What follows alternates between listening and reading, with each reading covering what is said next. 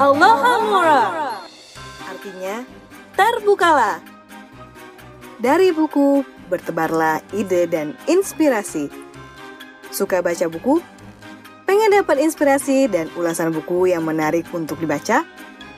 Semut-semut klub baca akan menemanimu bertualang di dunia literasi penikmat buku dan bacaan edisi Oktober 365 hari Suara Semut.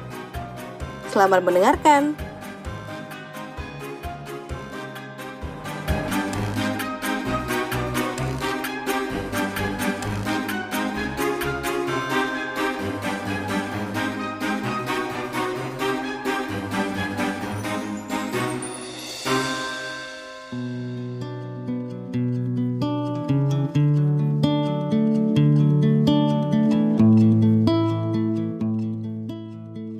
Gula-gula, saya Semut Natasha dari klub baca Semut Merah Kaizen. Kali ini saya akan mengulas buku novel dengan judul Rasina. Selamat menyimak ya.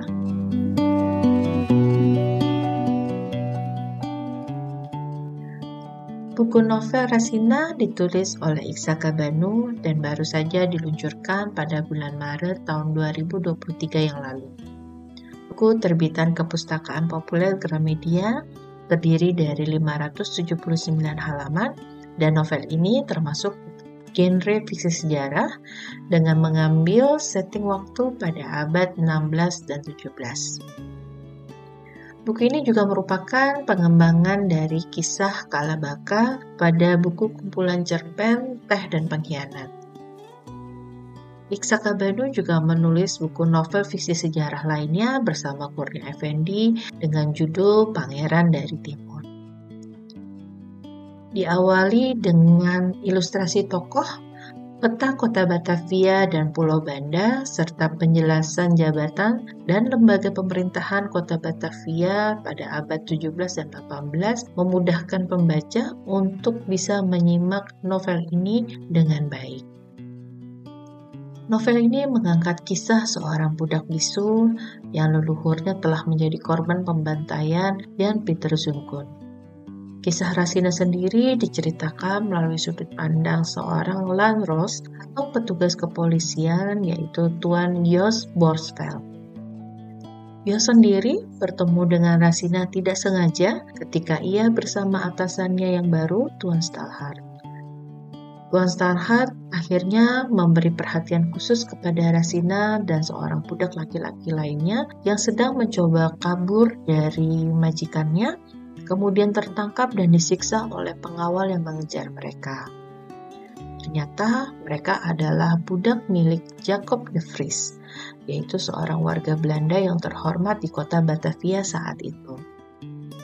Tuan Stalhart sendiri memulai penyelidikan kepada De Vries ketika budak laki-laki yang kemarin ditemuinya telah tewas di salah satu tepian kanal kota Batavia. Cerita semakin menarik ketika Rasina sendiri akhirnya berhasil kabur dari rumah majikannya ke rumah Tuan Stalhart. Tuan Stalhart dan Yos menemukan fakta-fakta yang mengejutkan terkait dengan Rasina saat melakukan penyelidikan. Di novel ini juga diangkat kisah kakek Tuan Stalhart di perjalanan ke Pulau Banda 100 tahun sebelumnya, yaitu kisah pembantaian orang Belanda diceritakan cukup detail dan menyayat hati oleh penulis.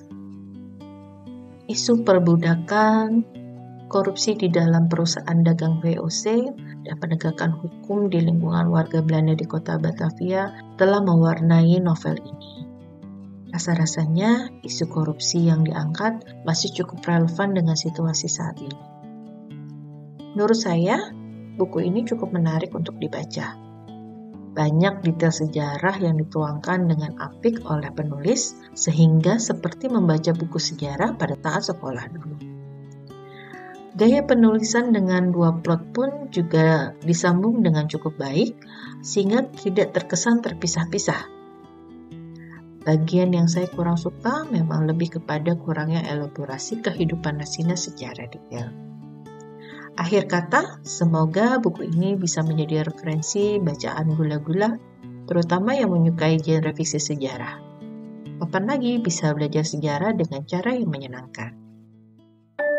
Terima kasih sudah menyimak episode dari Klub Baca SMK. Ikuti terus ulasan dan rekomendasi bacaan seru di episode lainnya, serta follow akun Instagram Kaizen Writing Alumni untuk info terbaru siniar semut merah Kaizen. Finite incantatum